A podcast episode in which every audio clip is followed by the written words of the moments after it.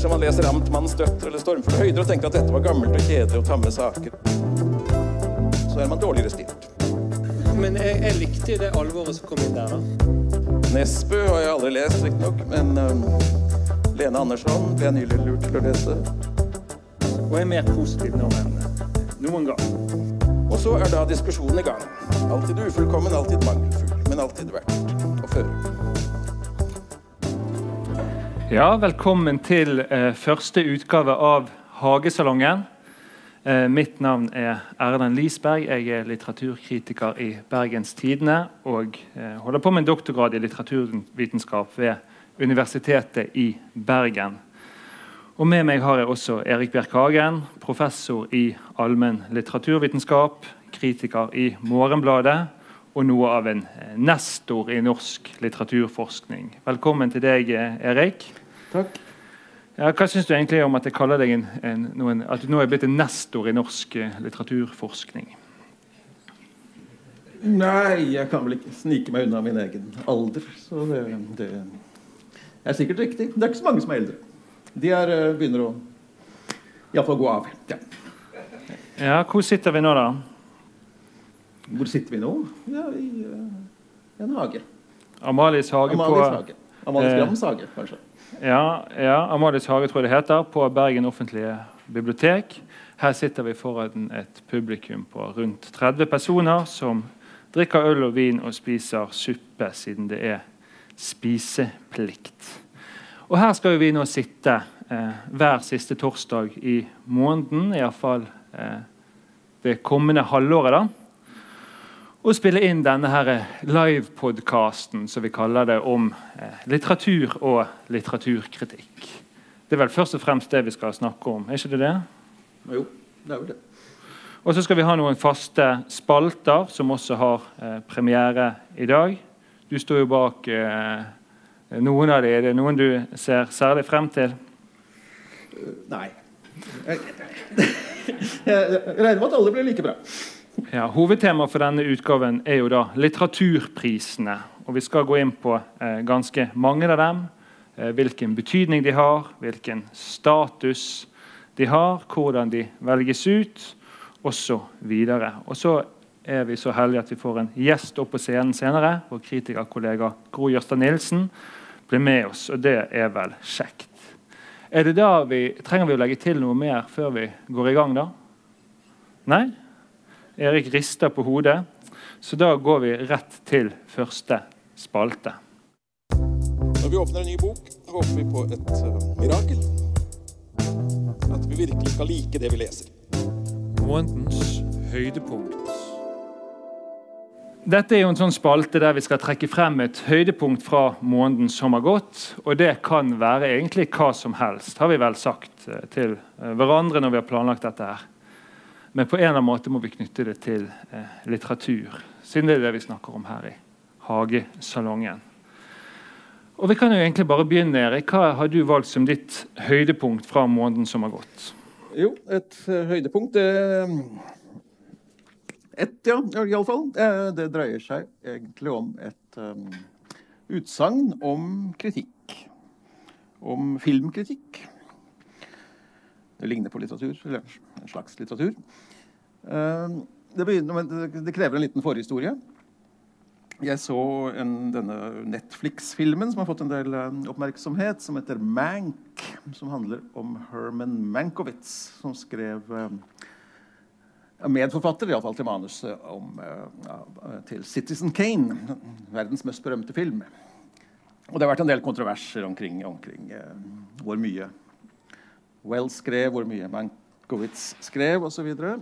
Men denne filmen har irritert meg ganske mye, da, selv om den har fått veldig gode kritikker. Eh, fordi det, det virker som veldig sånn anti-Orson Wells.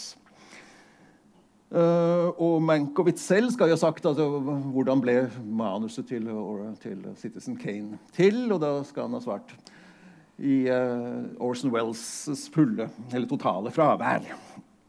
Så han tok mye av æren for det der selv, da, men de er begge kreditert i filmen. Um, så um, Vel, jeg ble irritert for, fordi jeg visste at det der var kontroversielt. Og jeg, jeg, visste at det har vært mye forskning på det der som, som har vist at Orson Wells hadde mye med manuset å gjøre. Da. Men det, rundt 1970 så kom det en del um, anti-Orson Wells-bøker. Som hadde den tesen da, at han skulle, skulle jekkes litt ned. At det var Mankowitz som skrev manuset, og at det var um, denne briljante fotografen Greg Tolan som egentlig var ansvarlig for alle de tekniske nyvinningene i, um, i denne uh, Citizen Kane. Og En av de som skrev denne, de, disse negative bøkene rundt 1970, var Pauline Cale, denne kjente kritikeren i The New Yorker. Hun var sin tids mest berømte filmkritiker. Da. Eller i USA, iallfall. Hun hadde mange, mange tilhengere, blant annet Eller særlig blant, blant yngre menn, da, de, som de kalte seg, eller ble kalt Paulettes. Faktisk. De var en sånn klanen til Pauline Cale. da. Men altså, altså, jeg sa at hun irriterte meg, denne filmen. Mank, og, det, og, hun har også alltid egentlig irritert meg. Jeg har alltid tenkt på henne som, som litt sånn overvurdert som kritiker. da. Pauline Cale. Så derfor, Da jeg satt og leste litt om dette, irritasjonen over denne filmen, så, så, så kom jeg over et sitat om Cale av Woody Allen. Uh, og han skrev da Og det er dette som egentlig er, er denne høydepunktet mitt. da. Så du kommer først til det nå? ok. Det er nå Men da spisser vi ørene. Først, uh, først var det Citizen Kane, så var det Mank, og så var det Pauline Cale. ja. Nå kommer høydepunktet. Uh, Woody Allen sa om henne, faktisk, som jeg alltid har ment å være, var overvurdert. Cale er alt en stor kritiker trenger, bortsett fra dømmekraft. Og jeg mener ikke det ironisk. Hun brenner sterkt for film, hun har formidabelt vidd, hun skriver ypperlig, og hun har enorme filmhistoriske kunnskaper.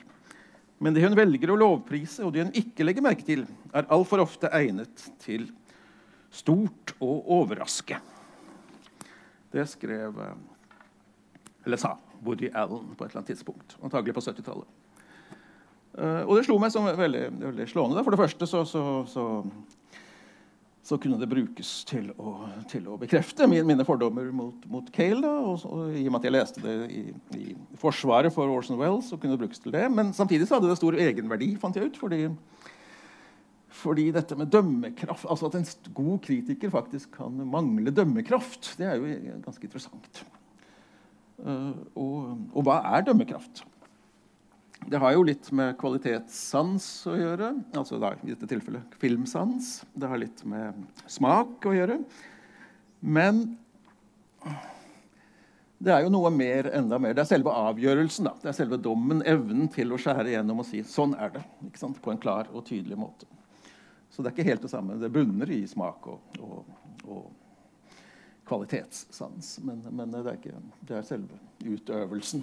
Det er vel noen som mener at man egentlig kan uh, vurdere kritikere rett og slett ut fra det kriteriet. ikke det? Dømmekraft alene. De som sa at Ibsen var dårlig og Bjørnson var dårlig, de eh. De manglet dømmekraft. ja.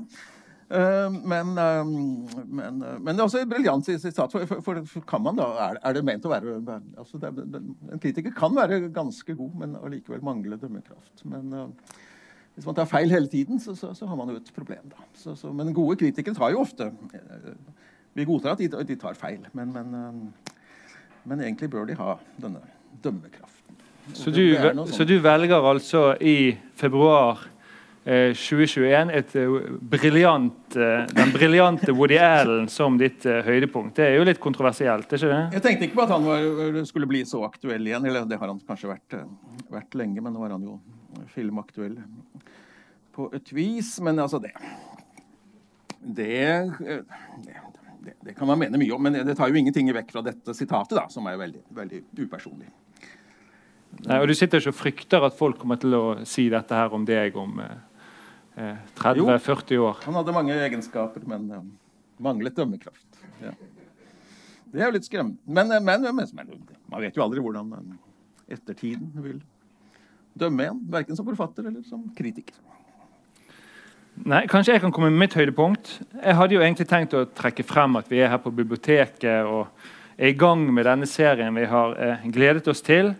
Men jeg vil faktisk trekke frem noe annet. For I dag og i går så jeg, eh, holdt jeg forelesninger om det kjekkeste temaet å snakke om, som er Homers eh, 2700 år gamle epos som handler om Odyssevs reise hjem fra Trojanerkrigen. Og da er det alltid én ting som gir meg litt sånn klump i halsen når jeg eh, snakker om, om, dette verket. Og det er de flotte beskrivelsene vi kaller for de homeriske lignelser. Eller de homeriske similer. Fordi eh, det er et eller annet når, når, jeg leser de opp som eh, Når jeg leser de opp, så, så, blir jeg rørt på en eller annen måte. Eh, og Disse lignelsene eller sammenligningene brukes jo da for å enten illustrere en handling eller en følelse. og De følger en sånn eh, gitt formel. De begynner alltid med et 'som', eh, eller nesten alltid. Følges av et 'når' og avsluttes med et 'således'. Og Jeg har jo lyst til å lese eh, to sånne. Jeg kan eh, spandere på meg to. Eh, bare fordi at det, jeg syns det er så utrolig eh, fint og vakkert. Den ene eh, lignelsen er jo da fra det sekshodede monsteret Skylla. Fanger flere av Odyssevs menn. Dere kjenner kanskje til uttrykket 'å seile mellom Skylla og Karybdis'. Det er jo to monstre, ett sekshodet monster som eh, griper og spiser sjømenn. Og eh, Karybdis er en slags eh, belg eller et stort svelg, en malstrøm som eh, kan svelge skipet ned til havets bunn. Og hvordan skal du beskrive når du, eh, når du seiler forbi et sånt monster, og de mennene på skipet snappes opp? Jo, du velger en lignelse eh, med en mann som fisker. Og Da skal jeg prøve å lese den første. Som når en fisker fra strandkantens nes med stangen den lange kaster sin lokkemat ut for å fange de stimende småfisk. Røret av oksehorn slenger han ut i sjøen og kaster sprælende fisker på land så ofte de biter på kroken. Således slengtes de sprælende menn mot hulen i fjellet. Det er jo veldig flott. Det er, det må man si. Effektivt og flott. Jeg har lyst til å ta en til eh, som er da når Odyssevs eh, sin kone Penelopeia røres til tårer eh, mot slutten av Odysseen i en beskrivelse av sin bortkomne mann. Og Det er av og til litt pinlig når jeg står foran studentene, for jeg blir rett og slett litt rørt. Like som sneen som smelter på fjellenes høyeste tinder når en snefokk fra vest, en østenvind kommer med tøver. Elvene strømmer med rivende flom når snelaget smelter. Således felte hun tårer og vætet de deilige skinner. Ja, Det er flott. Man må forstå at man kan bli litt uh, rørt av disse tingene. Men vi skal ikke snakke om Odysseen i dag. Og ikke så mye, mye, mye mer om Woody Allen, tror jeg heller. Vi går heller videre til vårt hovedtema, som er litteraturprisene.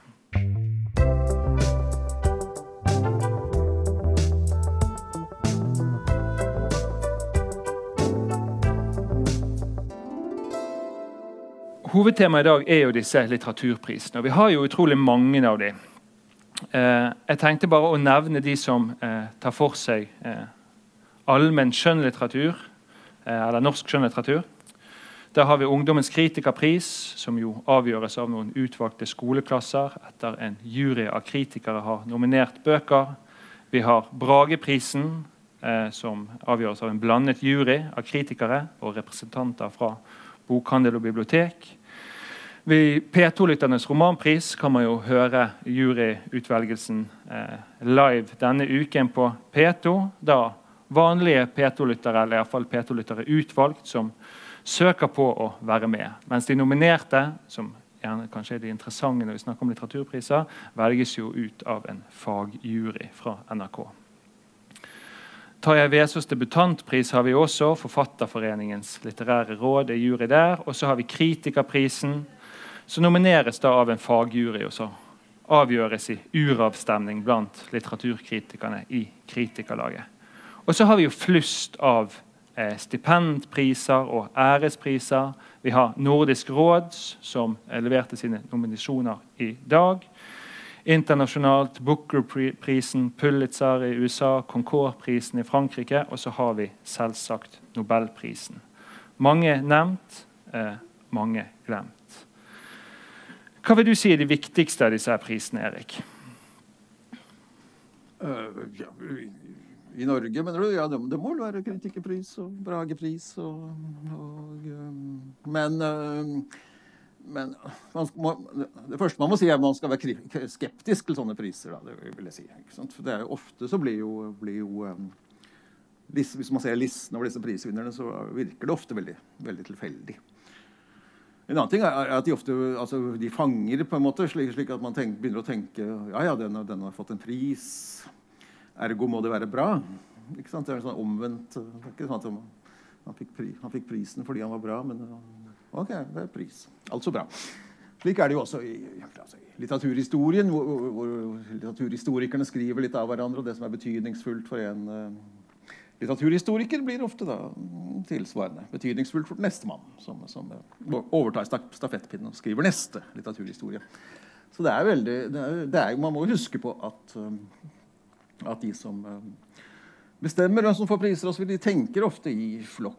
Og, og sånn da, at, at, Kritikere, hvis det er de som, som, tar de fleste prisavgjørelsene, de er jo ofte sånne ja, flokkdyr. De er utsatt for masse psykose. og og eh, sånne trender og vaner. og sånn da. Så man skal være skeptisk til disse, disse prisene. Men, ikke men, og det er noe, det er noe sterilt når man leser en sånn liste over eh, de 100 beste romanene eller de 10 beste romanene. eller noe i den tur, så, så, er det alltid gøy med sånn av, avdekking. Hva er de 100 beste LP-ene eller, eller, de 100 beste filmene? Så, å, nummer 100, nummer 99 osv.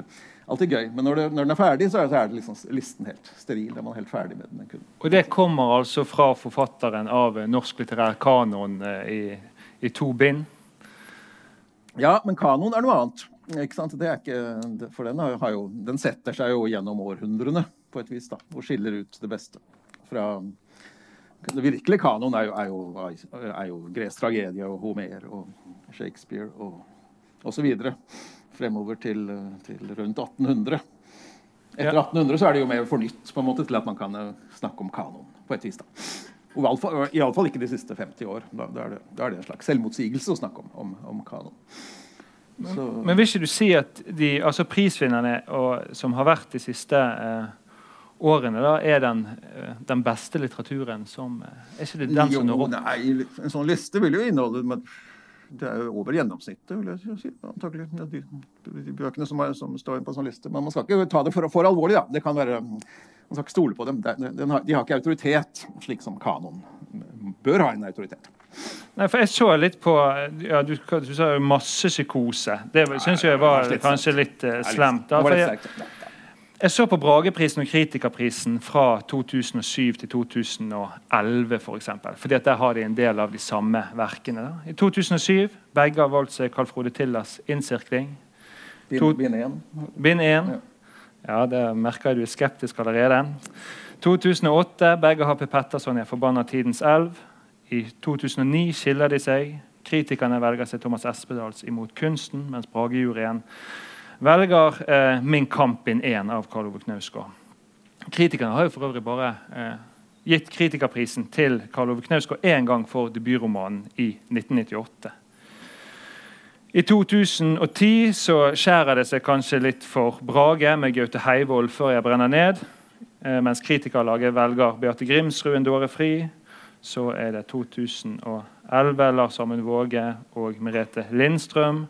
Og i fjor vant jo Mathias Fallbakken kritikerprisen og Nina Lykke Brage. Står ikke denne listen seg egentlig veldig godt i dag? Overraskende godt?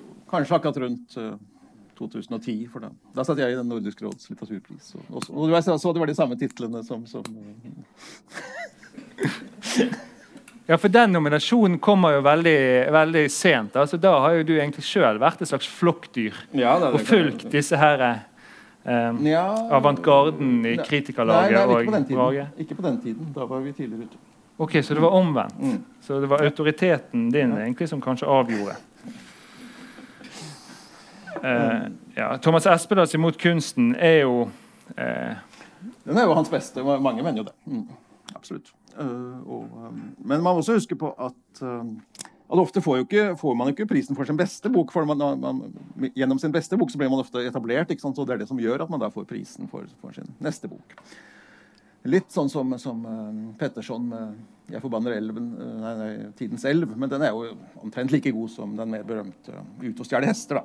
Ja, så, så, det er ikke så godt eksempel, i og for seg. Men, men ofte er det litt sånn. Men tror du det finnes en slags vegring? da? Altså Min kamp i Nena, Karl Ove Knausgård var jo den virkelig store snakkisen sant, når den kom. Mens kritiker, eh, kritikerlaget velger da Thomas Espedal istedenfor. Som i ettertid vel ses på som en, eh, ja, en, en flott bok. Men, eh, men Karl Ove Knausgård var jo banebrytende med Min kamp i Nen. Du var jo en av de som var litt kritisk til, til Karl Ove Knausgård. var ikke det? Eh, når han kom med sin banebrytende nye roman? De fleste har vel etter hvert fall samlet seg om at den første var veldig god. Ja, ja. Mm. ja Og at veldig mange var kritiske i, i starten. Da, særlig akademiet, har jeg inntrykk av. Kanskje det er et tilfelle hvor, hvor akademikerne var kanskje litt mer skeptiske. Du skal ikke komme her og tro du gjør noe helt nytt. Og så at vi skal eh, liksom godta det, det og, og, hause det opp. Det Noen sa det var helt nytt, og liksom, det fantes ikke begreper for det engang. Og andre sa at det, ja, det har vi lest tusen ganger før. Så, men, eh, men, eh, sannheten var jo, var jo, midt imellom. Ja, ja, litt mer på de første, vil jeg si. Men vi får se et, ta et blikk på de nominerte i 2020, da. De mest populære nominerte, i alle fall. Eh, de fleste nominasjonene er jo klare. Vigdis Hjorth gikk jo av med seieren. Fire eh, nominasjoner. Brageprisen, Kritikerprisen, Ungdommens kritikerpris og sist nå Nordisk råds litteraturpris i dag. Altså nominert for boken, romanen 'Er mor død'. Olaug Nilsen nominerte tre priser. Brage, P2-lytternes og Ungdommens kritikerpris for ut etter, som etter, yt, yt etter evne, få etter behov. Uh, Beate Grimsrud vant Brageprisen og nominerte Kritikerprisen sammen med Lars Amund Våge, som også i dag ble nominert til Nordisk råds, som er de eneste som står med to nominasjoner. Som er for de generelle i, de, i, den generelle kategorien så må vi vel nevne da Caroline Brenjo, som nå sitter på biblioteket As We Speak på debutanttripp. Uh, kry og stolt over å ha blitt nominert til både Kritikerprisen for sin debut, eh, altså diktboken 'Jeg vil våkne til verden', og alle tror vel at hun også vil vinne eh, Vesaas-prisen. Og så er det jo mange som bare har én nominasjon. Da, altså, da kan vi jo nevne Jon Fosse, den kontroversielle Veidnar Olsen, Maria Kjos Fond, Tore Renberg, Ingrid Nilsen, Pedro Comone Alvarez, Ida Fjellbråten og mange. Du er jo en, eh, en mann som er opplyst, opplest på eh, samtidslitteraturen. Erik. Hva tenker du om disse nominasjonene her? Du tenker samt, samtlige? Ja, Vi kan begynne med Vigdis Hjorth, som har fått fire. Som går av som den store vinneren. Ja, jeg, Jeg må nesten klø meg litt i hodet over det. Jeg syns ikke det er noen, en vellykket bok. Men, eh, men, så jeg forstår ikke helt, faktisk. Jeg kan godt begrunne det ja, det må du jo gang, for all del. Eller jeg kan vente litt. Men, eh, for det er en annen bok som ligner på, på Vigdis Hjorth, som jeg heller, heller ville ha fremhevet. Nemlig Sandra Lillebøs 'Tingenes tilstand'. Som jeg syns er, at er merkelig ikke har fått noen, eh, noen nominasjoner. De, det er jo to bøker som ligner veldig. Ja, det er vel en, et, det er en slags omvendt, eh, et omvendt ledemotiv. da. Bar, barnet eller datteren som vil komme i kontakt med sin mor hos Vigdis Hjorth og det er moren som vil komme i kontakt med sin datter hos uh, Sandra Lillebø. Men hvorfor vil du sammenligne de to? Uh, ja, jeg jeg syns faktisk uh, Lillebøs bok er, den beste, er årets, det er den beste boken jeg har lest i år. Uten tvil. Ja, Det er jo spennende, for hun har jo ikke fått en eneste prisnominasjon. Verken hun eller Karl Ove Knausgård, som også var Det også var jo sensasjonelt på et vis, ut fra, ut fra kritikkene. Og, og Lillebø også har jo fått veldig Jeg har jo en pocketutgave her med bare femmere på forsiden. Seks femmere. Uh, nei, men jeg, synes, jeg, Det handler jo om, om, uh, om um, henne selv. Ja. Det er jo ærlig virkelighetslitteratur. Lillebø selv har sagt i intervjuer også, at, at, det handler om henne selv og moren, som altså er syk. hun har diagnostisert henne selv som schizofren. Men hun er udiagnostisert i, i, i helsevesenet. Og Boken handler jo egentlig om hvordan skal man slippe unna. Hvordan skal en som er blir syk av å ha en syk mor, slippe unna moren. Har, tidlig ble hun tvunget til å være en slags mor for, for sin egen mor. Og um, det er uh, egentlig det frigjøringsforsøket som er vanskelig og alvorlig, som er, um, er bokens tema. Da er det veldig, veldig lenge siden hun Eller i nåtid så er, så er, det ganske lenge siden hun egentlig har snakket med moren, som stadig ringer henne, osv. Uh, men jeg kan, jeg kan, lese litt for å begrunne hvorfor jeg syns dette er Ja, det må du gjerne gjøre. Små, små biter. Hvorfor jeg syns dette er, er, bra, da. Uh, så alt handler, handler, jo om altså Hun snakker også om familien og, og hvordan hun har det nå i dagliglivet, men, men, men, det er veldig mye om moren, da. Hun begynner med at hun akkurat har flyttet hjem, hjemmefra. Jeg satt på hybelen og limte bilder av henne inn i album og tegnet border rundt med blyanter i flere farger. Jeg visste det ikke da, men det var en stor anstrengelse. Jeg vet ikke om hun er en, en det er mulig å kjenne. Noen mennesker går rundt sånn med et oppløst, ødelagt selv, med en personlighet som er så knust at det eneste som kan gi dem en form for sammenheng og identitet, er den kontinuerlige ensomheten de lever med fra de fødes til de dør. Det har gått noen uker siden sist hun ringte. Jeg blir ikke like opprørt lenger når det skjer. For bare noen måneder siden fikk det angsten til å reise seg som en statue i brystet og bore seg opp gjennom ansiktet fra undersiden av haken. Det er nesten en poesiopplesning, dette her, Erik. Ja da, og det siste det var til bare Det er en mangel på empati, en skade, en ødeleggelse, en manglende evne til å møte en hvilken som helst katastrofe uten å rope 'Men hva med meg?' Hun rensket stemmen. 'Kjøper du en pakke røyk til meg?'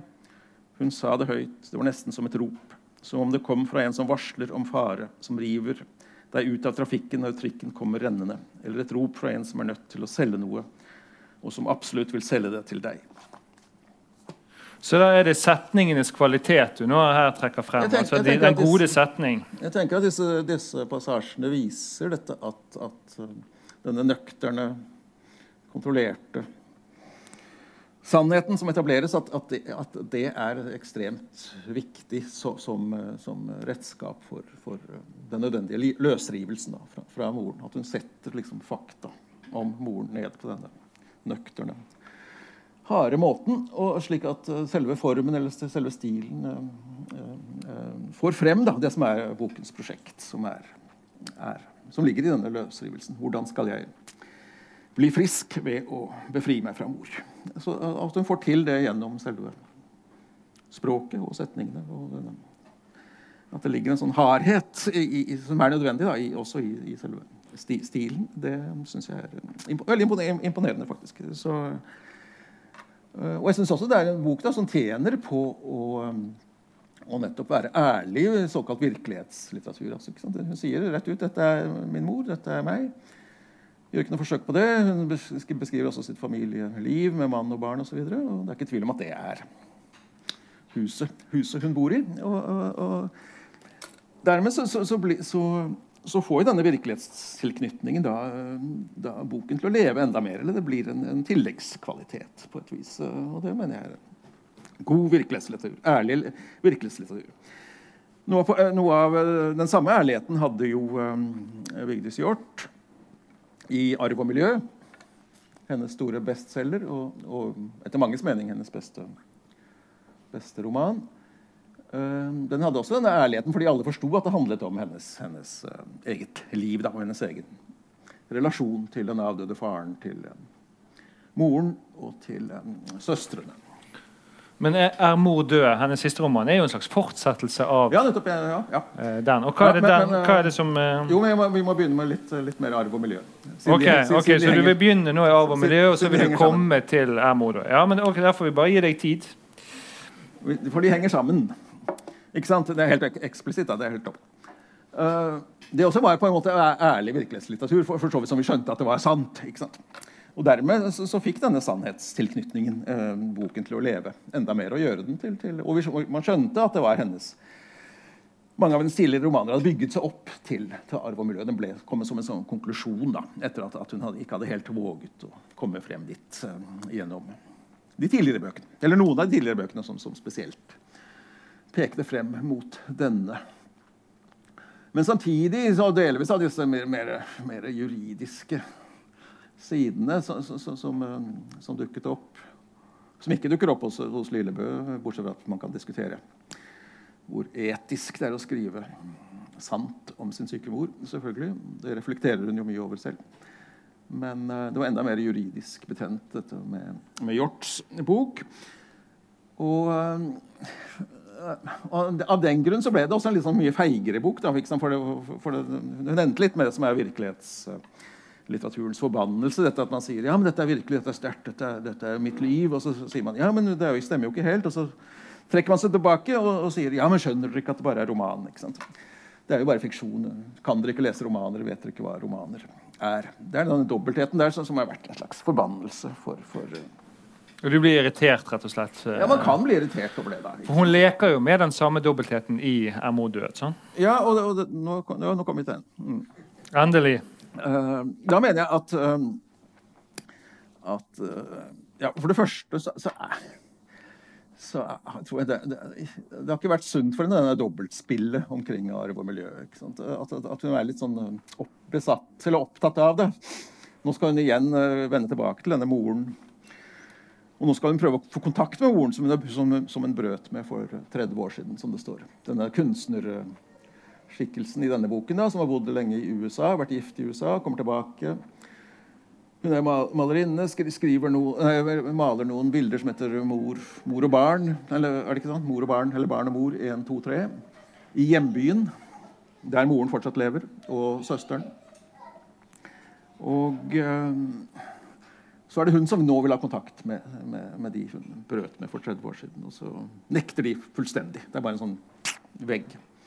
Og hun blir helt besatt av å få kontakt og overvåker dem og, og, og sitter, sitter utenfor på gaten og prøver forfølger, går, går etter dem i kirken osv. Eller særlig moren, da.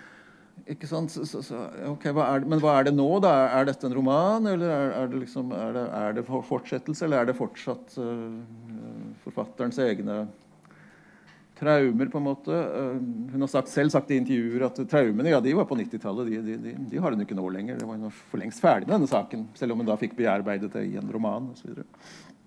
Men hvorfor skal hun da fortsette å skrive om det? Eller er det bare et litterært påfunn? Alt det der syns jeg, synes jeg faktisk er, er litt sånn det, det, det, bidrar til å ødelegge litt. Eh. Så hele ideen eh, irriterer deg, egentlig? Ja, altså, altså, Hvorfor i all verden skal hun være så Hvis det er, bare er roman, hvorfor skal hun da fortsette med det samme? Og er det og det, det, viktigste er jo selvfølgelig at den ikke har denne, denne, denne brennende ekt. Den er ikke så ekte og den er ikke så desperat som, som beste, de beste passasjene av arv og miljø hadde. hadde. Man, ikke, man, kommer i tvil om dette faktisk er, er, er ekte og oppriktig, eller om det bare er et romanaktig påfunn som som skal illudere desperasjon. Da, vil jeg si. Vil jeg si. Ja. Ja, for meg var problemet med Vigdis Hjorth sin eh, mor død at jeg rett og slett ikke trodde på eh, verken på prosjektet eller på alle disse hendelsene som skjer underveis. Da at hun gjemmer seg i buskene og spionerer på moren. og og går til et slags angrep på henne mot slutten osv.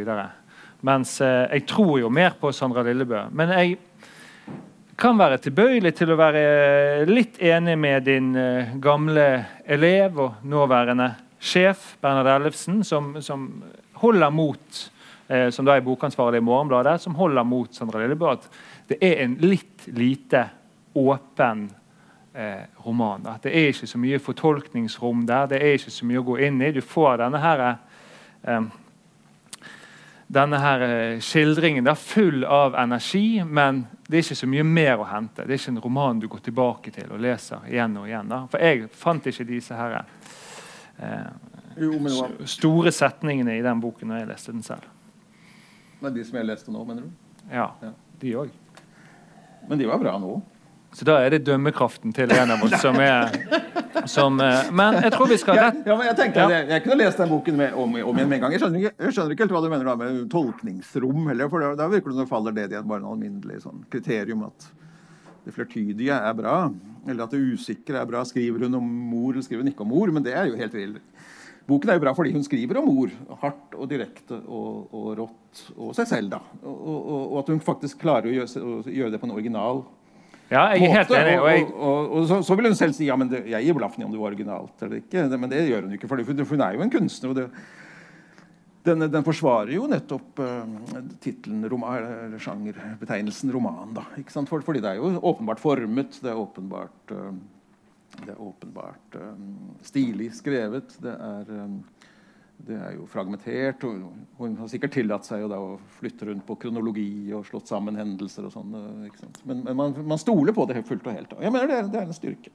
Da, da, da får den du tror, styrke av du tror mer på Sandra Lillebø enn på Vigdis Hjorth eh, ja, sine Man må jo- karakterer. Man må jo tro på, på, på Det var det som skjedde med denne dok berømte dokumentarromanen på 60-tallet også, med kjente eksempel med kaldt blod av Truman Capote. Det, det, var, det var skrevet som om det var en roman, samtidig som, som det fikk ekstra kraft og energi og kvalitet ved at det faktisk handlet om virkelige, virkelige hendelser. Og det, det, det synes jeg Ja, jeg tror vi skal prøve å fortsette denne diskusjonen med vår uh, første gjest. Jeg, og invitere hun uh, opp på scenen.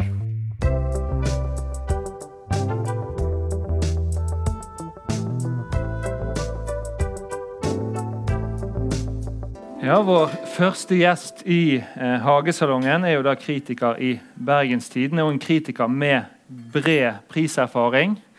Eh, velkommen til Hagesalongen, Gro Jørstad Nilsen. Takk skal du ha.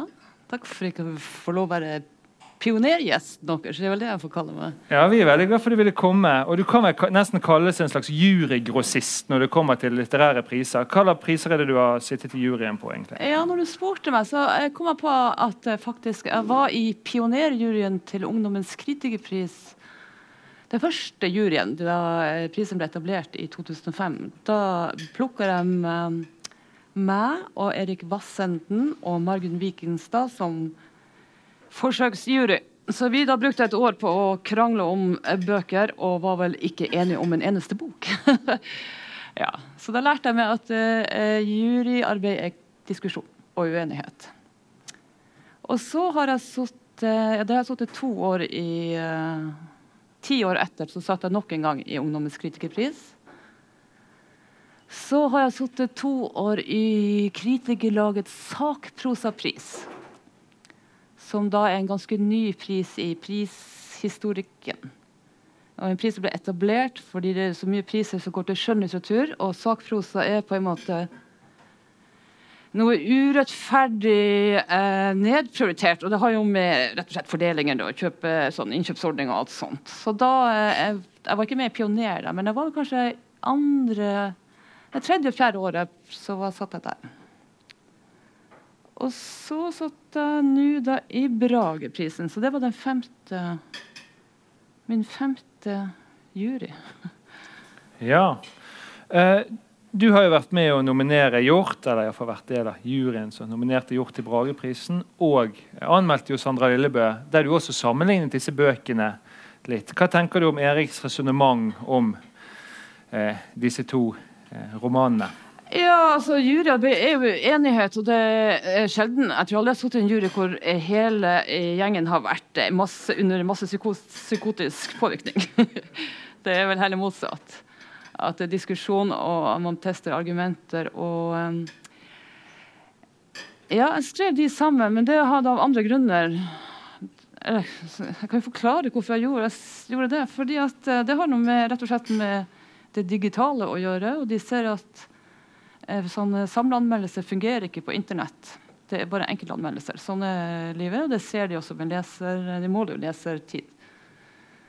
Så da diskuterte jeg med kulturredaktøren, og da var det rett og slett å prøve å anmelde eh, Vigdis Hoel indirekte, mens jeg anmeldte Sandra direkte. Så det var en slags, og det funka greit nok, altså. Du ser jo at det er Sandra Lillebø jeg anmelder.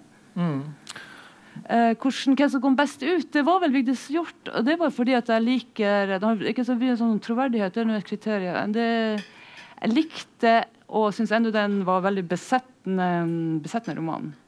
Eh, fordi at hun tar det stalkermotivet som vi vanligvis forbinder med galninger som sitter i og venter på damer. Eh, hun lar eh, en, en stalker stalke sin egen mor. Den syns jeg er Og den syns jeg klarer å beskrive på en veldig ond måte, eller som gjør vondt som leser, rett og slett. Eh, når det er altså, troverdig, Jeg syns heller det er det at hun tar en slags velkjent situasjon, i hvert fall for en del jenter. For jeg tror kanskje akkurat den boka er det flere jenter enn gutter som eh, finner eh, litt skremmende. For mange jenter har jo blitt stalka. Men her blir du tvungen til å du blir tvungen inn i stalkerens hode og se ting fra stalkerens perspektiv. Ja, så... Og det er noe veldig sånn um, Godt gjort, syns jeg. For hun er jo ikke gal. Altså, men det å stalke sin egen mor er jo dreven av en slags veldig Det er ganske fælt å bli avvist av sin egen mor. Det må vi jo være enige i. At den type smerte som ligger i den her grenseoppførselen eh, syns jeg Vigdis Hjorth fanger på en måte som kunne bikke over til crazy woman gjør rare ting. Men jeg syns hun klarer å holde på en slags fornuft i situasjonen. Så det er akkurat den, eh, egentlig, den ideen da, og det, det, motivet som meg og Erik ikke kjøper, som du faktisk eh, trekker frem som eh, det gode. Hvis du ikke kjøper det, så, går jo, så funker jo ikke boka. Men du leser den som en veldig upersonlig roman? egentlig. Som bare har perifer, ja. ja, ja, tilknytning egentlig til, til, arv og miljø? Ja, ja, men jeg skjønner ikke hvorfor du absolutt skal presse arv og miljø på det her. Nei, okay. Man må ikke det. Jeg syns den står selvstendig som et eget verk. Du, klar, du kan jo lese arv og miljø som en slags må, må, en lesemåte, men den boka er nå en sånn st stalkerbok. Men det er veldig gjenkjennelig, både far og mor og søster. Så. Det er veldig vanskelig. Fra, fra arv og miljø. Det virker som det er de samme personene som nå har fått andre navn og er plassert i en annen by. Eller? Ja, kanskje. Jeg har ikke liksom tenkt altså, jeg ikke, Nå leste jeg den faktisk i sammenheng med Sara Lillebø. da, sånn i denne type og Da kommer jo også det her med at det er såpass tvetydig, og det kontrollerte kanskje hos Sandra jeg blir eh, Men jeg må jo si at eh, jeg er litt enig med, med Erik når det gjelder hennes bok, Sandra Lillebøs bok. Og den har eh, vokst med ettertanke. Og da er det ikke kanskje motsatt av dine argumenter. Du sier at hun er litt sånn ærlig og sånn. Fordi at det skjer jo en veldig interessant speiling i den boka av sin egen mor.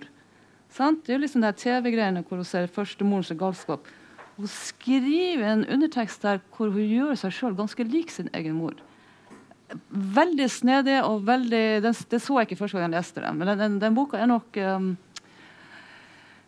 den har nok mer med seg enn ved første omgang, som du kanskje oppfatter med din dømmekraft intuitivt. Ja, så den, den, den, den tror jeg faktisk jeg ville lest om igjen, faktisk. Uh, ja. Men at døtre ligner på sine mødre og mer og mer er Ja, men allikevel tar hun jo veldig distanse fra sin mor. Det handler boka, Du sier her boka er et friluftsprosjekt. I underteksten så skaper hun en likhet mellom seg sjøl og sin mor som er som uh, gjør det tvetydig i det her godeste frigjøringsprosjektet. Selv om du kanskje ikke vil ha tvetydighet, så mener jeg at tvetydig er åpner for tolkninger her som, som, gjør den boka ganske mye sammensatt enn, enn det jeg så ved første omgang. Men som bl.a. det i juryarbeid, for vi har vært uenige om den. Som, og det er jo en del av gleden med å jobbe med andre og bare diskutere litteratur, det er jo at de får deg til å se ting som du kanskje ikke så. Nei, jeg også er jo ganske enig. Jeg også vil jo trekke frem den som en av de absolutt beste bøkene jeg har lest i, i, i, fra 2020. da. Det er nok mer subtil enn man um, Og det er kanskje at dette her galskapen til mora, da der er jo mora, mens i, i, i Hjort sin bok så er jo hovedpersonen. At mora til I, i Lillebø sin bok eh, altså Det er ikke sikkert den for, jeg forteller er så pålitelig og ærlig. Det er ikke sikkert det er jo en, det en instans. Det er en fortellerinstans der. Um, Men jeg har lyst til å rett og slett bryte av hele Hjort Lillebø-diskusjonen. Ja. fordi at uh, Litt av grunnen til at vi har invitert uh, Gro her, er jo og få litt innblikk i hvordan disse her prisene blir avgjort. Og Kanskje du forteller, gi en veldig kort innføring i hvordan sånn juryarbeid egentlig fungerer? Det kommer fra jury til jury, men uh, i, i Brageprisen litt for seg selv, Jeg kan gå litt innom den, eh, for den er annerledes enn de andre. Eh, det er sånn at Vi er stort sett en jury. Vi får beskjed om å lese alt som kommer ut. Da er det enten at du får dellesinga. Eh, de gangene jeg har sittet, så har jeg ofte hatt sånn her eh, Hvis du har stipender, kritikerstipend, så er du heltidskritiker. Og da tar du på den grovstillingsjobben som ofte gjør. Så spiller man det videre, enten til nummer to, som er da ser om det er noen vits at nummer tre leser eller ikke. Sånn, og all den her store arbeidet, da bygger man det Det er også en, en man som oftest gjør, lager en shortlist fra 12 til 17 bøker som alle juryen skal ha lest. Eh, og da er det ut fra den shortlisten det kan være opptil et par hundre bøker som er da i Ungdommens kritikerpris. Og også sakprosa er veldig mye. Det er godt over 100 bøker. Så det blir ganske sånn teknisk lese, men du ser det ganske kjapt. Gir en bok 50 sider, det er det vi prøver å gi. Hvis du ikke fanger, fenger på 50 sider, så er den ute. Og så Ut fra den shortlisten så lager man da eh, enten nominerte bøker som skal videre til juryer, eller at man bestemmer sjøl. Ja. Så det er, man skal ha lest det er 10-15 bøker som alle har lest, som man diskuterer ut fra. Så man er egentlig ganske avhengig av at den første leseren har en eh, viss dømmekraft. Da, hvis, eh, ja, det har du faktisk. Så der kan man av og til gå glipp av noe hvis man velger feil person som førsteleser. Da vil jeg tro. Ah, kanskje. Ja, kanskje. Men eh, Brageprisen er annerledes. Den er, mer, eh, den er, jo eldre enn de her. Og den har også fire, men stort sett er det tre i juryen. Og Brageprisen, der er det ikke les alt. Der blir du meldt på. Der blir bøkene meldt på. Og det, Der er det også taushetsplikt, så ingen skal vite hvem som er meldt på.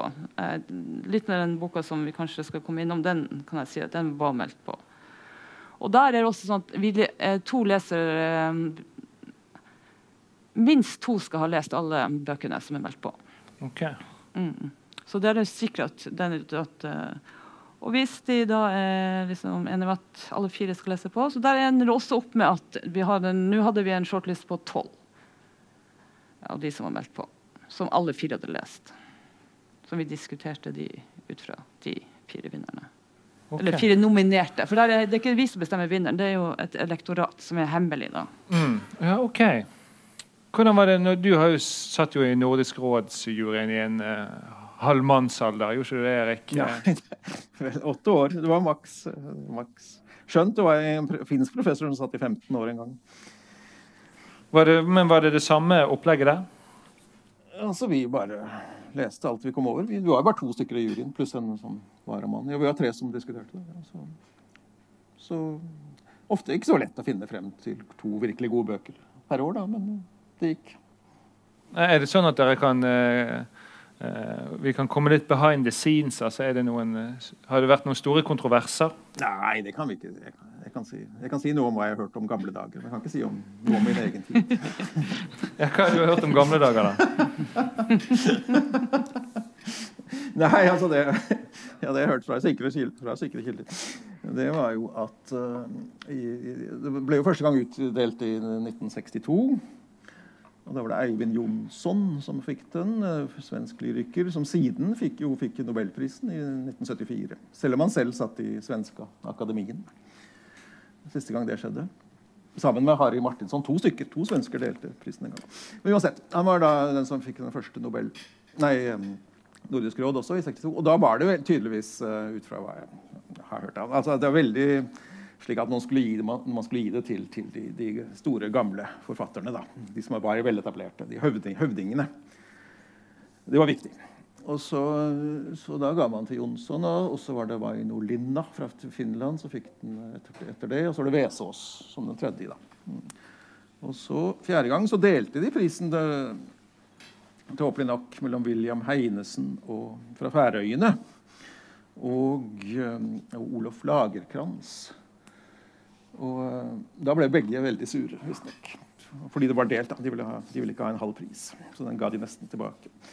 Så, um, men det, så hvorfor akkurat Lagerkrantz man skrev skrevet en bok om Dante? Det var, det var litt, uh, litt, rart. Men han var da til gjengjeld en mektig, mektig redaktør av Dagens Nyheter. Kanskje det var derfor. Men, men Heinesen burde fått den prisen alene. Men det pussige var, også da at, at i eh, 66, var det vel, ja. Så fikk eh, så var Johan Borgen, eh, som også var en høvding, eh, han var eh, nominert for nye noveller. Vant ikke.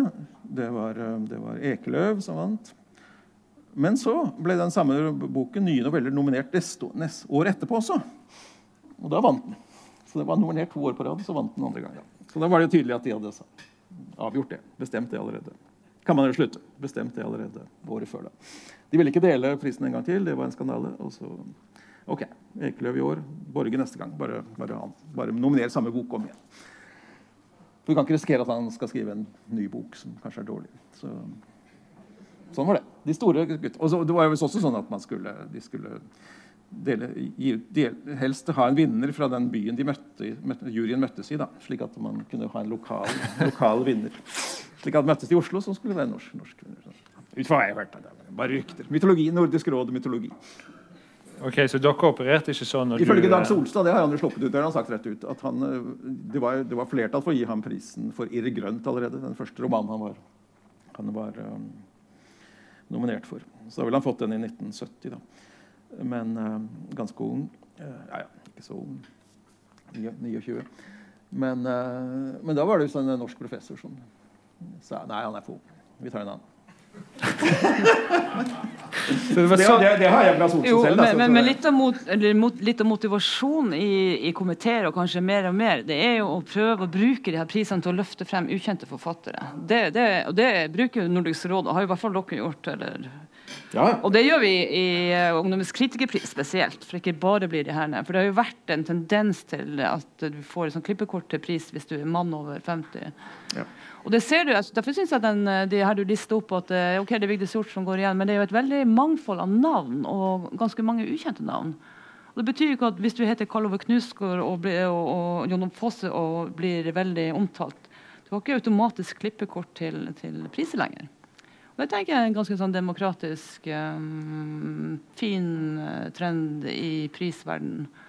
Og vi så også når vi For det, eh, det gikk vi, vi har, i, I flere av de juryene. Ikke at jeg skal være sånn idealistisk, men jeg syns det er en viktig det Når kritikken bygges ned, så er de her nominasjonene en måte å løfte frem eh, bøker som kanskje ellers ville forsvunnet. Og det vet jeg med at de forfatterne som blir nominert, de blir lest. Blant annet hun Marit Andresen fra i fjor, som ble nominert til eh, Brageprisen. Og hun sa at hun hadde ikke fått en, ja, anmeldelse før hun ble nominert. Etter hun ble nominert til Brageprisen, så begynte folk å anmelde boka hennes. Og hun ble på en måte oppdaga via en nominasjon. Så det er en måte du kan på en måte bruke ditt mandat.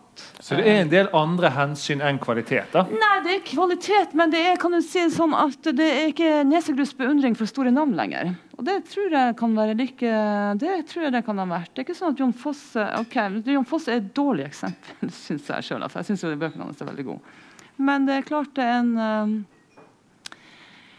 Ikke aktivisme, men en slags Den breddelesninga eh, gjør også at du kan Den gode, litt oh, Karianne Brendjord er jo en veldig bra uh, Hun er ung, uh, men OK. Hun kan løftes frem allikevel. Uh, vi hadde Sist jeg var i Ungdommens kritikerpris, så fant vi en forfatter til Karin Ellen Marie Telle, som aldri har vært anmeldt. Hun har aldri fått det. Den var veldig bra. Liten bok. Bernhard banker på. Vi nominerte den. Den vant hele greia. Var nominert sammen med veldig store navn. Eh, ungdom har jo ikke noe respekt for eh, på å si, autoriteter. De tar det de liker.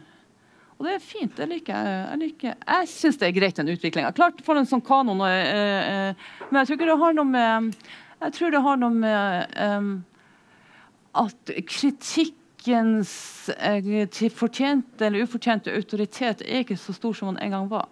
Portvokterrollen vår er nok eh, ja, okay. for Jeg trodde man alltid valgte, altså man, uh, valgte det beste, da, det aller beste man uh, fant. Men da er det litt andre hensyn Men Kassem, som uh... da eh, måtte du, alle, Det har jo noe med diskusjon å gjøre. Eh, hvis det hadde vært noen eh, objektive, evige kriterier, så vil jo bare Det fins det jo ikke. Hva sier du, Erik? Da ville jo alle, alle forfatterne bare fylt de kriteriene, så ville de skrevet gode bøker. hvis det Nei. var så enkelt. Det vet vi jo like godt. Objektive kriterier finnes ikke. Det er sånn. Nei. Det handler om eh, enighet. Sant? Det var, en det var en gammel danske i Nordisk råd som, som var så uheldig å rykke ut i pressen på forhånd sa at dag, denne gangen er, er, har jeg i hvert fall den største sjanse av de danske. Og så var det selvfølgelig da den andre danske som vant hele, hele, hele prisen. Eh, Nei, det er klart det fins jo ingen objektivitet. Det, det, det, er, alt, er, alt er et resultat av sånn som du sier, diskusjon og, og, og, og timing, da. Du må treffe. Og timing og treffe eller annet. Og det er noe herlig ved det òg, at du kan eh, at, det kan at det er så uforutsigbart. For kunsten skal jo være det. Det er jo nettopp det som er det fine med de her prisene. Og det er klart det er jo gøy å treffe vinneren. Eh, og tipper vinnerne og klarer å på en måte Du vil jo gjerne at den boka du sjøl eh, syns er best, skal vinne. Og jeg syns jo Beate Grimsrud vant beste boka. Jeg ble veldig glad for at hun vant. Jeg tenkte nå er jo bra. Mm. Det, men det, da er det overraskende sant, at uh... Men vi leser jo veldig mye i en jury. Du får et, sant, eh, som kritiker i en avis så Du anmelder den boka, du får eventuelt du gjør dine egne ting. Når du sitter i juryen, jury, så får du veldig bredde. Du, får, du, du vet hva du med rimelighet kan forlange av norske forfattere i løpet av et år. Eh, når man kommer fra litteraturvitenskap og har på en måte hele vestlige tradisjon som referanse, så blir du jo veldig skuffa over hva du finner. Jeg, ja, ikke alle, da. Men det har det med, med å ha en, en slags forståelse av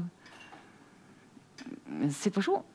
Ok, det er, folk tar feil, og det er noen som blir oversett. Og, men det er en del av eh, det å ligge eh, Men, eh, men i min tid så var vi veldig enige om tror, at, vi, at den norske litteraturen var, var den beste. Da. Ja, det I forhold til svensk og dansk på den, tid, på den tiden. da. Ja, men det er den fortsatt. Det mener jeg virkelig. Og det tror jeg har noe med rett og slett at det er at, si, Takket være nynorsk, tror jeg. All den kranglinga og diskusjonen og den type fiksjon inni. For jeg syns den vestlandske naturen er helt enestående. Altså, jeg skjønner godt at, at eh, Lars Amund Våge blir eh, nominert. Jeg syns han er helt uh, Og også fordi, det kan jeg også si mens er jeg har ordet Og så er det innkjøpsordningen. Er jo viktig. en- Ja, men jeg tror også Og ja, flere mekanismer. Men jeg tror uh, det som er så fint, som jeg syns er fint med Lars Amund Våge, at han uh, ble nominert, det er jo at han kan skyve den samtalen om kritikk vekk fra det her eh, som jeg syns er ganske kjedelig, den realismedebatten. Jeg syns den står litt eh, og stamper over i med det estetiske og musikalske. For han er jo en musiker som skriver bøker. Han, jo, han bygger jo klang med, med motiver. Og på en helt, han komponerer jo romaner ut fra helt andre Altså det estetiske. Litt sånn som Jon Fosse. Og det er jeg veldig glad for. For uh, jeg tror det er veien å gå, uh, mye av den diskusjonen, å kjøre seg litt inn i en uinteressant dump, syns jeg. Jeg synes det er Ja, virkelighetslitteratur. det, er det er ingen som mener at det skal bli mer virkelighetslitteratur? vel? Det, Nei, men jeg tenker også at når sånn som, ja, ok, Jeg bruker Lars Amund Våge som eksempel. eh, For å yte den bokas rettferdighet, så må du jo over i en slags kritikerspråk som låner fra musikken. Det mener jeg helt klart. For eh, det Og det er bra.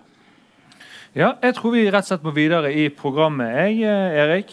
Tusen takk for at du ville være med og diskutere dette med oss, eh, Gro Jørstad Nilsen. Vi skal eh, vende oss mot det internasjonale.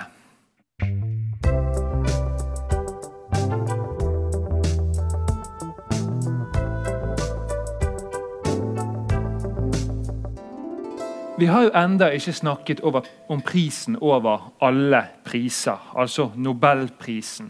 Og jeg vet jo at eh, du har en særlig interesse for den, eh, Erik. Jeg har jo sett deg at du av og til skriver ned alle vinnerne, lister de opp eh, som en slags hjernetrim. Så du må jo ha en særlig interesse For, Nobelprisen. for kjedelige møter. Ja, ja men noe må man tenke på. Uh... nei, Nobelprisen den har vel større problemer enn de fleste priser. da, ikke sant? Fordi den er jo, eh, den er jo så enorm. Den er jo internasjonal. ikke sant? Har den autoritet? Er den, eh, representerer den De er jo rundt 120 Eksisterte i 120 år. 120 vinnere da, omtrent. Det er noen blanke år, men en del, del delte priser der også. Eh, men eh, det, har den noen spesiell autoritet? Nei, det er vel veldig tvilsomt. For på 120 år, da Vi kan bare gjøre noen enkle tankeeksperimenter der. ja, Hva hvis den var utdelt fra Afrika? Da, jeg antar det ville vært en del eh, vært annerledes da. Fra Asia. Jeg tror, jeg tror det alt i alt fem håndfull asiatiske vinnere. da. Den skal jo liksom være, være internasjonal. Men, eh, men det, da ville den også vært helt annerledes. Um, og vi kan jo tenke på kvinnene. Hvor mange kvinner har vunnet, uh, vunnet uh, Nobels uh, litteraturpris? Ja, jeg Fra, husker 19, ikke. fra 1901. Det er, jo, det er jo 16 nå, men frem til 1990 så var det 6. Så altså det, det er blitt bedre etter de siste 30 år, da. Det vil si 10, 10 av 30. Men, men før det så var det altså 6. Det er også veldig interessant med for, en parentes med Nordisk råds litteraturpris. Der, der ble det jo utdelt i 1979 en sånn um, alternativ til en kvinne. For det var vunnet, det var ikke en eneste kvinne som hadde vunnet frem til Og heller ikke da i 1979. Så det var, delte man ut en alternativ kvinnepris til Märtha Tikkanen. Og så neste år så, så, så vant Sara Lidman som den første offisielle. Etter 20 år, altså. Og utrolig nok, det trodde jeg nesten ikke da jeg leste det, men, men da, det var altså i 1980 at, første, at det var første gang det var kvinnelig medlem av, jury, av komiteen. Også, etter, 20, etter 20 år i Nordisk råd. Men, men det er klart, altså, Nobelprisen seks kvinnelige vinnere frem til 1990, det er jo i minste, minste laget, uansett hvordan man snur og vender på det. Så, så, sånn var det. Men vi kan også måle den ut mot den vestlige det vi tenker på som kanon, da, som, som også be, kanon beveger seg oppover i, i det 20. århundre. Fremover mot ja, siste 50 år er det vanskelig å snakke om kanon, da, uansett. Men, men fremover til 1970. Da. Så kan man spørre seg, sett ut fra et sånt vestlig kanonperspektiv Altså de mest omdiskuterte forfatterne, mest, mest uh, omskrevne forfatterne i det 20. århundre. Uh, og man skulle lage en ideell liste over nobelprisvinnere fra 1901 og fremover. Hvis, hvis f.eks. Tolstoy hadde vunnet i 1901. Han levde jo til 1910 osv. Så, så er det klart at uh, Ser man på denne listen, så er det kanskje bare seks sikre navn. Altså, hvis man skulle lage en skikkelig sånn kanonliste, så er det kanskje seks navn som ble dukket opp av de som har vunnet på 120 år. Hvem er de seks, da? Det, jeg synes jo det hørtes veldig lite ut. Jeg vil si Yates, poeten Yates, den irske poeten. Thomas Mann. T.S. Eliot. Han ble engelsk, han var amerikansk, født i, født i St. Louis. Uh, William Faulkner, sørstatsforfatteren. Ernest Hemingway og uh, Beckett. To irer, da. To irer. Så ingen Hamsun, Undset og Bjørnson? Nei, det ville vel ikke kommet med. Derimot Ibsen så ville jo hatt en god sjanse. Det er klart. Og ingen uh, Herman Hess og ingen Albert Camus? Nei, det tror jeg ikke. Det ville vært. Det jeg vært. De er i hvert fall ikke sikre kort. Sikre kort. Dette her er jo helt hårreisende. Nei. Jeg tror ut, fra, ut fra en alminnelig sånn kanontenkning, tror jeg. Vesteuropeisk eh, amerikansk, da. Det blir jo gjerne de store språkene som er kanon. Fra tysk, fransk, engelsk. Russisk til dels etter hvert. I begynnelsen var det visst noen som hatet Russland, så det var veldig få russiske priser i begynnelsen. Så, så, I i den svenske akademien, sies det.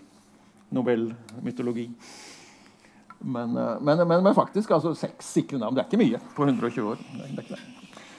Men da, da holder vi de siste 50 år ut, utenom, da.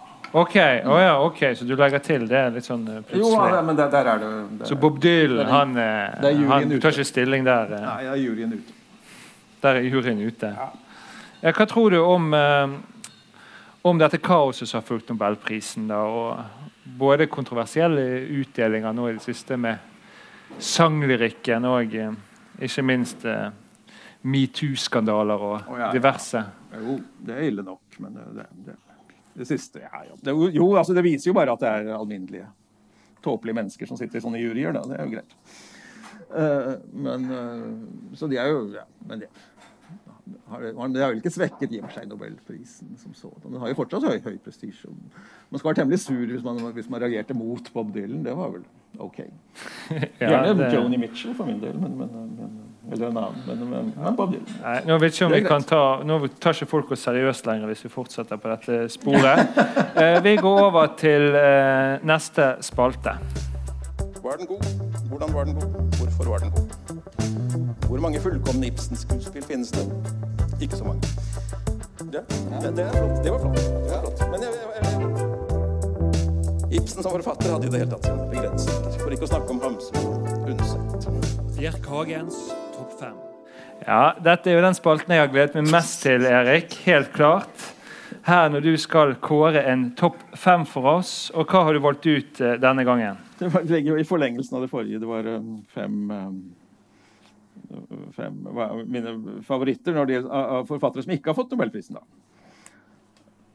Ja, og da eh, Ja, har du jo nevnt to allerede, men ut ifra. ikke- Tolstoy og Ibsen. Nei, men da har jeg ikke tenkt ut fra kanon i og for seg. Da har jeg mer tenkt ut fra hva jeg selv uh, ville tatt med på en øde øy. Sier du nå at Tolstoy og Ibsen ikke er med på listen? Ja, nei, Tolstoy hadde ikke orket på en øde øy. Og Ibsen, nei, han hadde ikke nådd opp. Uh, hva skal man med Ibsen når man har Bjørnson? Man trenger ikke begge deler. Um, så, uh, så, så, så det Bjørnson er greit for meg. Han ville vært på min liste altså, hvis jeg skulle lage en sånn ideell liste. Så det er greit. Gjerne Hamsun og Undset også. Så, så. Men jeg bare tenker ut fra Nå tenkte jeg jo upersonlig i sted. Ja, så Hvem har du som nummer fem, da? Så vi går fra bunn til topp. Du skal gå fra bunn til topp? Å ja, jeg tenkte kronologisk. Men, øh, men øh, Ja, det er vanskelig å Nei, vi tar det kronologisk. Å, ja, Ja, ja, ja. OK. Nei, øh, de to første er bare, bare sånn sikre kort. Altså, det er indre kanon, da. Først er Henry James. Igjen er jeg, jeg, jeg beklager mine amerika, angloamerikanske øh, bias. Men Henry James han var en aktuell kandidat. faktisk. Han ble nominert i tre år, rundt 1910. Det var en kampanje. Han hadde relativt lite penger. Han var jo da regnet som den suverent beste forfatteren, eh, romanforfatteren i, i den engelskspråklige verden. Men han var lite oversatt, så det var jo et kriterium på den tiden. Og de, Svenske Akademien leste nok også mye dårligere engelsk på den tiden. enn de gjorde siden. Men uansett så er han jo en relativt vanskelig romanforfatter, da, men, men han regnes jo som den sentrale amerikanske romanforfatter. Eh, Så han er, han, etter min syn er han jo også en av de beste der, av, av sånn grenseland mellom realisme modernisme. Han er vel en av de som oftest nevnes også som eh, Ja, han vil være et sikkert, Kandidat. sikkert kort, men han er ikke så kjent i. Norge. Det er ingen av hans, eller flere av hans eh, sentrale romaner er ikke oversatt til norsk. Så, men han er veldig leselig. Han har veldig sånne melodramatiske plott, men de er da pakket inn i voldsomt eh, mye sånne fine interpersonale relasjoner og nyanser og stemninger og tanker og tolkninger. Og, og man føler seg frem overfor hverandre osv. Også kronologisk, da, nummer fire. Ja, det ble Virginia Woolf. da. Hun må, hun må med. Pga. sine to korte mesterverk, 'Mrs. Dalloway' og, og 'Til fyret', som det heter på norsk. Holder det. Resten er bare for spesielt interesserte. Det er de to som gjelder. Men de, de, de er jo bøker som bare vokser og vokser. egentlig. Da. Da, kommer det kvinneperspektivet. Det tok jo ganske lang tid før hun ble egentlig virkelig oppdaget. Da. En av mine favorittkritikere, eh, eh, F.R. Leavis, han sa jo at um, Altså, han, han, han skriver mye, mye fornuftig om nesten alle engelske forfattere, men eh, jeg tror han har en, en parentes bare om Virginia Woolf, hvor det står 'It's minor art'. Det er, det er liten kunst. Inni en parentes. Utrolig nok. Men, nå, men nå er, dette er bøker som, som, ja, som er su suverene når det gjelder, når det gjelder Ja, ok, Wolf er også godkjent. Så nummer tre. Ja, da, da har jeg valgt også en um, ikke fullt så kjent amerikansk kvinnelig forfatter, Willa Cather. Opp, eller, Willa Van? Cather, C-A-T-H-E-R. Jeg, støtte litt på, jeg leste um, Marilyn Robinsons utmerkede bøker nå i høst, og da tenkte jeg på Willa Cather. Hun skriver fra Nebra Nebraska. Hun er liksom en av de som skrev om, om Midtvesten og nesten ville, eh, Vesten da, fra, fra slutten av 80-tallet og, og fremover mot 1900. Eh, hennes viktigste bøker kom på, på, på 20-tallet. Så ingen Tolstoy, ingen Ibsen, men Nei, Willa Cather. Hun, hun dukker også opp i denne boken om Sigurd Undset som ble publisert i høst. så Der støtter jeg også på henne eh, som eh, en venn av Undset. da. Fantastiske beskrivelser og brev mellom Cather og Undset. Og Undset var en stor fan av henne. Blant hennes bøker da, og, og pionerer. Det er fra, fra prærien. Og så er det noen mer fra byene. En professors hus, en, Den fortapte uh, kvinne. Uh, Døden kommer til erkebiskopen osv. Ypperlige titler. Ok, så nå er det bare to igjen, og da har vi Kafka, Prost og Strindberg og James Joyce. Ja, er ikke, Hvem av de velger du? Nei, det er ikke øde, øde øy. Vi må ha med en poet nå. Uh, og da må det bli Robert Frost. Den amerikanske poeten som var en sterk kandidat gjennom hele 50-tallet. Men han var først var han altfor populær, og så sa han nei, han er for populær. Og så ble han for gammel. Så da, ja, nå er han kanskje ikke, nå er, han- nå er kanskje det med popularitet greit, men nå er han for gammel. Så han ble blokkert på den måten. Men øh, han er jo en av de, de, de, Han minner jo veldig om Edward Hopper, hvis man, skal øh, sammenligne ham med malere. Han er en av de som virkelig skriver med utrolig klang og, og rytme og rim og sånn. Og likevel virker høymodernistisk. Da. Det er det beste eksempelet nesten på det, som jeg kjenner til. Eneste eksempel. Ja. Og til slutt en, en annen øh, fra moderne tid. Nei, det, det går jo ikke. Jo, hvorfor ikke? Det må jo være Prost eller uh... Nei, ja, men nei, ingen orker den på en rød øy. Ikke Joyce. Ikke Joyce og ikke Prost, men Og ikke Ibsen. Og ikke Tolstoy. nå er jeg redd for at folk, lytterne våre ikke tar oss seriøst i det hele tatt. Kanskje denne podkastserien her er over før den allerede har begynt. ja, jo, det hadde vært kjedelig. Ok, Tolstoy, Joyce, Prost, Kafka. Kafka kunne jo aldri fått den, for han hadde nesten ikke publisert eh, noe da han døde. Prost var også bare halvveis i, i sin eh, romanserie om eh, På sporet av den tapte tid da han døde. Da. Så, så det er ikke rart at ikke han fikk den. Eller, det er ikke rart at Joyce heller ikke fikk den. Han var jo temmelig regnet som svært vanskelig lenge. Nei, men men siste valget er jo da et som etter min mening er en av de beste amerikanske etterkrigsforfatterne. da, Norman Mailer, ikke minst for hans um, litterære journalistikk på, på, på um, 1960-tallet. Dette er hårreisende. Og særeget. Og, den, og den, den mest, um, fortsatt en av de mest kontroversielle amerikanske etterkrigsforfattere. Ok, Så da har vi altså Henry James, Virginia Woolf. Denne her er Willa Cather. Og Robert Frost. Robert Frost og Norman Mailer. Ja, Ja, Det er mine, mine favoritter. eh, Som ikke fikk prisen. Av merkelige grunner. Ja, det er jo en kontroversiell liste. Jeg tror kanskje vi skal gi oss mens leken ennå er god. Jeg, og, og rett og slett eh, begynne å avslutte på det punktet. Vi bør vel uansett takke for oss i, eh, nå når klokken eh, har bikket godt over en time. Eh, om det er noen som har noen reaksjoner på det de hører, så eh, ber jeg om at de retter de på e-post til eh, Erik Hagen, krøllalfa, eh, uib.no. Eh, og vi, hvis noen spiller inn et eh, lydspor eh, med en reaksjon, så kan det hende vi kan spille det av på, eh, ved neste anledning. Men da tror jeg rett og slett at vi eh, takker for oss etter hvert. Og så møtes vi da i her i Amalies hage eh, siste torsdag i mars, som også er den 25. Og sånn skal vi holde det gående utover våren. Takk til biblioteket, takk til Pål Vindenes for musikken, og ikke minst til publikum som kom og hørte på. Og takk for oss.